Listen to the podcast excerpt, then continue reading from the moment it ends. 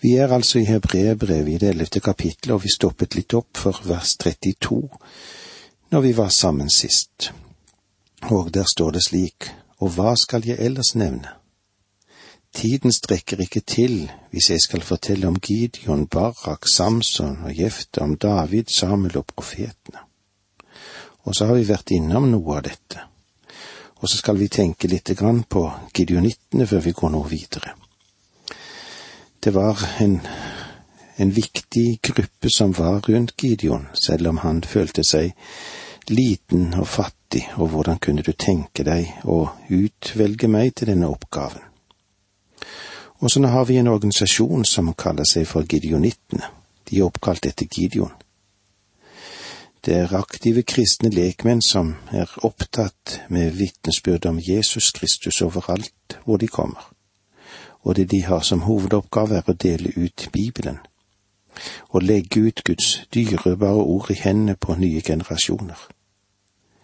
Ja, vi er glad for at vi har mange gideonitter rundt omkring i verden og at de fungerer godt òg i vårt samfunn, hvor de møter folk både på hoteller, i fengsler og i skoler. Og vet du hva, de går i tro.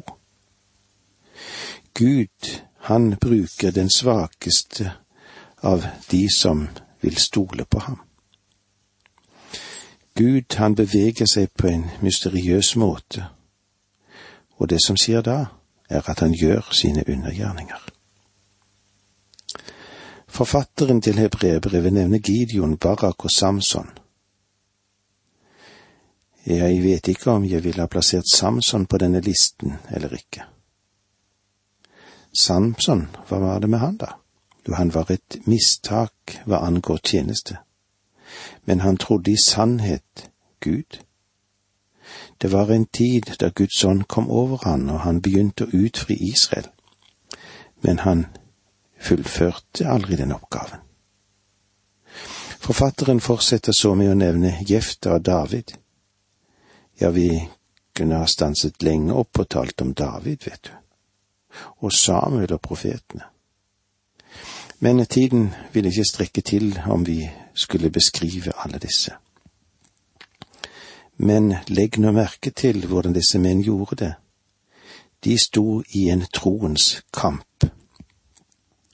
La oss lese vers 33 kapittel 11. Ved sin tro vant de over kongeriker, håndhevet retten, fikk løfter oppfylt, stoppet gapet på løver. Stoppet gapet på løver. Vi vet at han nå henviser til Daniel selv om han ikke har nevnt ham ved navn. 34 Slokte voldsom ild, slapp unna skarpe sverd, gikk fra svakhet til styrke, ble sterke i krig og slo fiendtlige hærer på flukt. Dette er troens strid, og disse er de som seiret. Vi møter nå troens vidtfavnende forhold. Tro har hatt betydning på alle livsområder. La oss se vers 35. Kvinner fikk sine døde tilbake idet de sto opp. Noen ble spent på pinebenken og avslo å bli frigitt, fordi de heller ville få del i den oppstandelse som er bedre. Kvinner fikk sine døde tilbake idet de sto opp. Husk kvinnen i Serepta som gjennom profeten Elia fikk sin sønn tilbake til livet. Noen ble spent på pinebenken og avslo å bli frigitt fordi de heller ville få del i den oppstandelse som er bedre. Med andre ord så tales det mye om martyrene her. Og eh, vi lever i en stor martyrtid uten at vi tenker på det, vi som bor i et fredfylt område på vår lille klode. La oss gå litt videre i Hebrebrevet 11, 36-38. Andre måtte tåle spott og piskeslag, ja, til og med lenker og fengsel. Noen ble steinet og pint, saget i stykker eller drept med sverd. Andre måtte gå omkring i saueskinn og geiteskinn, de lød nød. De hadde det vondt og fikk hard medfart. De var for gode for denne verden. De flakket omkring i øde trakter og på fjellet holdt til i huler og grotter. Her er ennå en gruppe mennesker, de vant ikke sine seire på slagmarken. De opptrådte ikke på livets arena for store folkegrupper og gjorde de mektige ting for Gud. Dette er de andre, og de er dem som, ja, hvis du ønsker helter, så skal du virkelig stoppe opp for disse, for de var Guds helter. De hadde prøvelser og spott og forfølgelse og fengsel og pinsler å kjempe med. De var steinet, og de ble saget i stykker. Jeronimus påstår at det var Jesaja som ble saget i stykker, men det, var, men det er bare en tradisjon. Jeg vet, vi vet ikke hvem det var som led på denne forferdelige måten. Andre ble prøvet, andre ble fristet og drept med sverd. Du skal legge merke til kontrasten her. I vers 33 og 34 talte vi om seirene som ble vunnet. Det sto at de vant over kongeriker, håndhevet retten, fikk løfter oppfylt, stoppet gapet på løver, slukket voldsom ild, slapp unna skarpe sverd, gikk fra svakhet til styrke, ble sterke i krig og slo fiendtlige hærer på flukt de kom seg unna skarpe sverd. Men her i vers 37 er det andre som ble drept med sverd. Hvordan forklarer du det? En gruppe kom seg unna ved tro. En annen gruppe ble drept med sverd ved tro. Vi er kommet til et spørsmål som er egentlig et vanskelig tema. Hvorfor må rettferdige lide? Jeg vet at hvis du er ved god helse i dag, så er det enkelt for deg å sparke dette fra deg og si som andre. Vel, Gud prøver dem. Herre, står det at disse menneskene gikk gjennom alt dette ved tro. De så ikke på det som om de ble prøvet.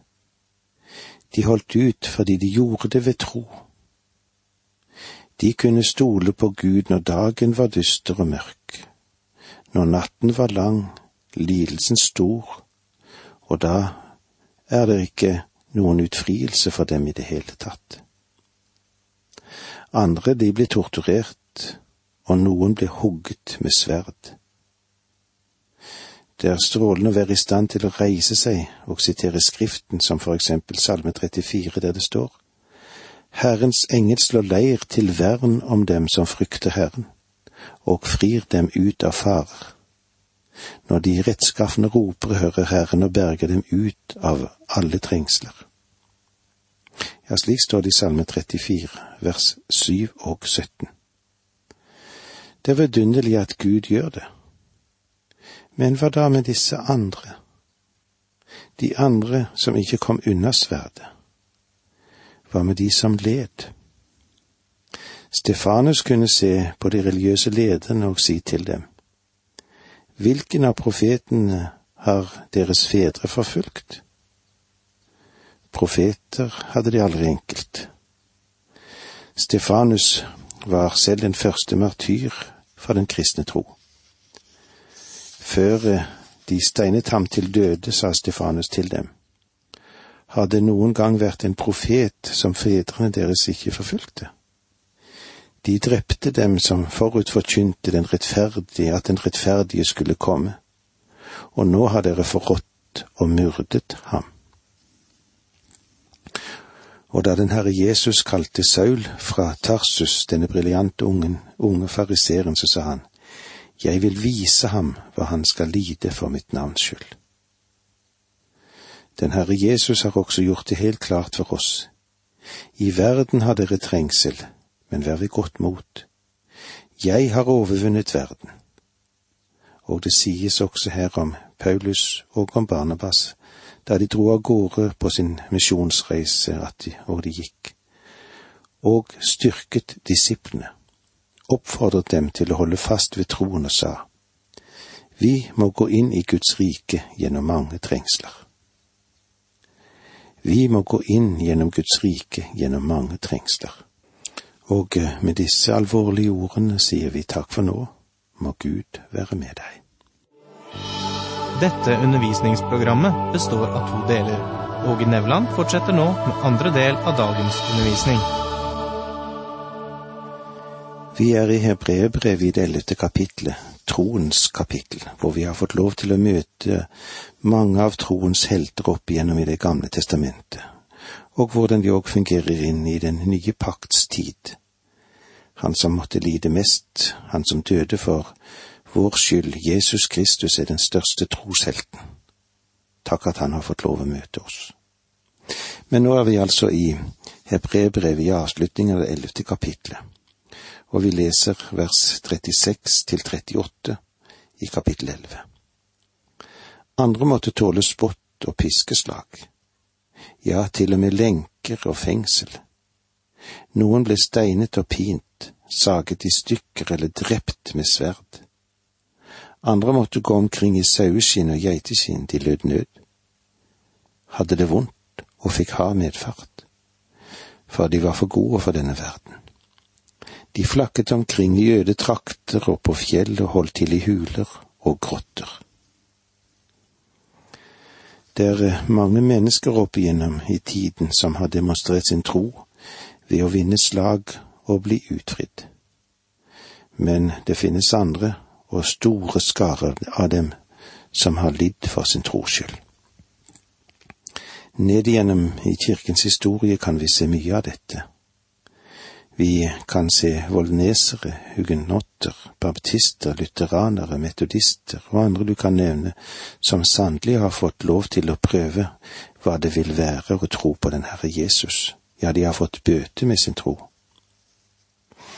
I dette øyeblikket hvor vi sitter samlet nå foran radioen, så er det bokstavelig talt tusener av troens helter som har en smertefull dag eller natt å gå i møte og det er godt å lese om mennesker som på livets arena vinner den store seieren.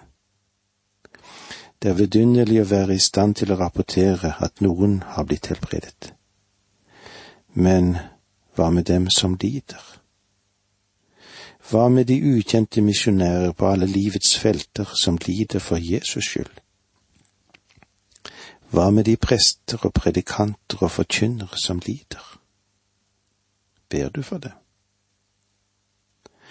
La meg få si noe som jeg har lært angående dette spørsmålet. Apostelen Peter skrev det slik.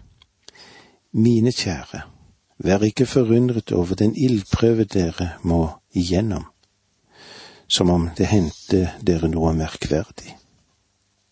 Gled dere jo mer dere får del i Kristi lidelser, så dere også kan juble av glede når Han åpenbarer seg i sin herlighet.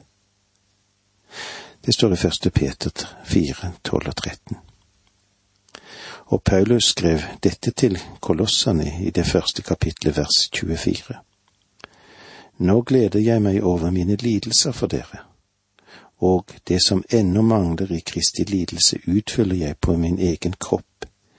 Jeg lider for hans legeme, kirken. Hvordan kunne Paulus utfylle Kristi lidelser? Var ikke Kristi forsoning for oss komplett og helt perfekt? Jo, jo, det var det sannelig. Men det er visse lidelser som den Herre Jesus erfarte i sitt liv her nede, som ikke har noe med forløsende lidelse å gjøre. Hans forsonende lidelse fant sted på korset, og ingen av oss kan legge noe til det.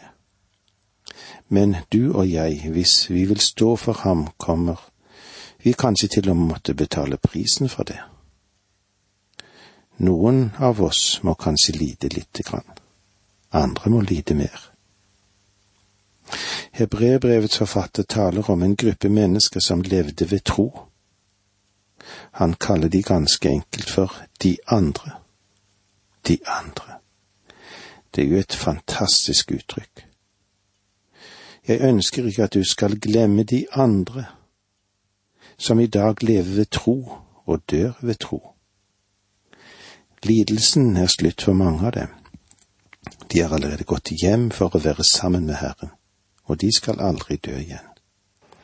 Dette avsnittet som vi er innom her, har kanskje ikke alltid betydd like mye, men når vi får se inn i egnes og andres smertefulle liv og virke, så er det vel slik at Bibelen åpner seg på en annen måte.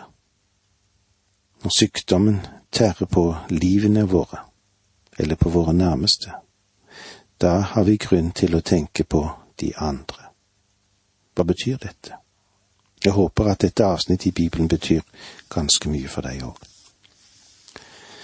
I vers 39 i Hebrebrevet 11 leser vi slik:" Alle disse fikk godt vitnesbyrd for sin tro, men de oppnådde ikke å få det som var lovt.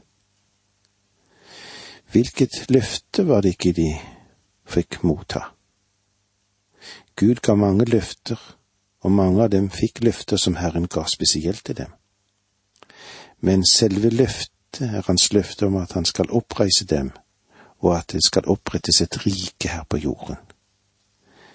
Det har ikke fått fullbyrdet det løftet enda, fordi Gud fremdeles kaller et folk og nevner dem ved sitt navn, og som det står her i Hebrevbrevet, for å føre mange til herlighet. Alle disse fikk godt vitnesbyrd for sin tro, men de oppnådde ikke å få det som var lovt og så sies det noe om årsaken til det, i vers 40. For Gud hadde for vår skyld noe bedre i tanke. De skulle ikke nå fyllendelsen uten oss. Gud hadde oss i tankene. Var ikke det en god ting? De skulle ikke nå fullendelsen uten oss. Gud er meget tålmodig og kaller på mennesker i denne verden for å vinne dem for sitt navn og dette er menigheten. Og inntil denne menigheten er fullstendig, så vil han fortsette å kalle på mennesker. Det er en stor sammenheng mellom de troende i den gamle pakt og i den nye pakt. De troende, altså vi kristne, er en stor familie, som ikke når fullstendig frem før hele slekten er samlet. Her ser vi altså at menneskene må tro og ta imot frelsen én for én. Og samtidig er frelsen ikke betraktet individuelt som et hele, men som et samfunnsmessig, nemlig samfunnet av de hellige. La oss lese det som står i Efeserbrevet 2, 19 og 20.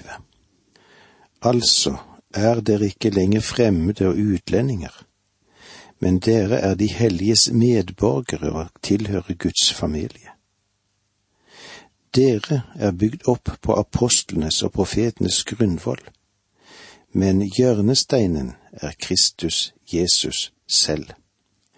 I dette guddommelige som vi kom innom nå, helhetssynet, ligger det altså en appell til oss alle sammen, vi som lever i den nye pakt. Kunne de utholde så mange prøvelser, de som levde i den gamle pakt på grunnlag av tro på uoppfylte løfter, så er det jo mye større for oss som lever i den nye tid, å holde ut i troen, forventningen. Vi har jo alle disse som vi har vært innom nå, som forbilder, helt fra første løftets tid til løftet ble oppfylt i Jesu Kristi offer på Golgata og hans oppstandelse og hans himmelfart. Og nå har vi han som en stor forbed for oss, ypperste presten, som er i himmelen. Han står for Gud, som allting vet. Vi har i dette kapitlet sett på verden, og vi har sett på troens gjerninger. Noen mennesker føler at troen er noe uprøvet, noe en ikke kan være helt sikker på, noe som ikke helt hviler på et fundament. Men vi har fått lov til i dette kapitlet å sett en rekke vitner. Mange av dem levde lenge, og de levde i tro og ved tro. Og de fant ut at det fungerte. Du behøver ikke å prøve å overbevise meg om at det fungerer. Jeg er allerede overbevist. Jeg vet at det fungerer. Årene begynner å gå for meg også. Jeg har vært en kristen i mange, mange år. Takket være Gud så fikk jeg lov til å fatte tro og tillit til ham som liten gutt. Og så har jeg fått lov å virke i Hans rike. Og jeg har fått lov til å være vitne for ham. Og jeg kan få lov til å si at det fungerer. Og jeg vet at det gjør det.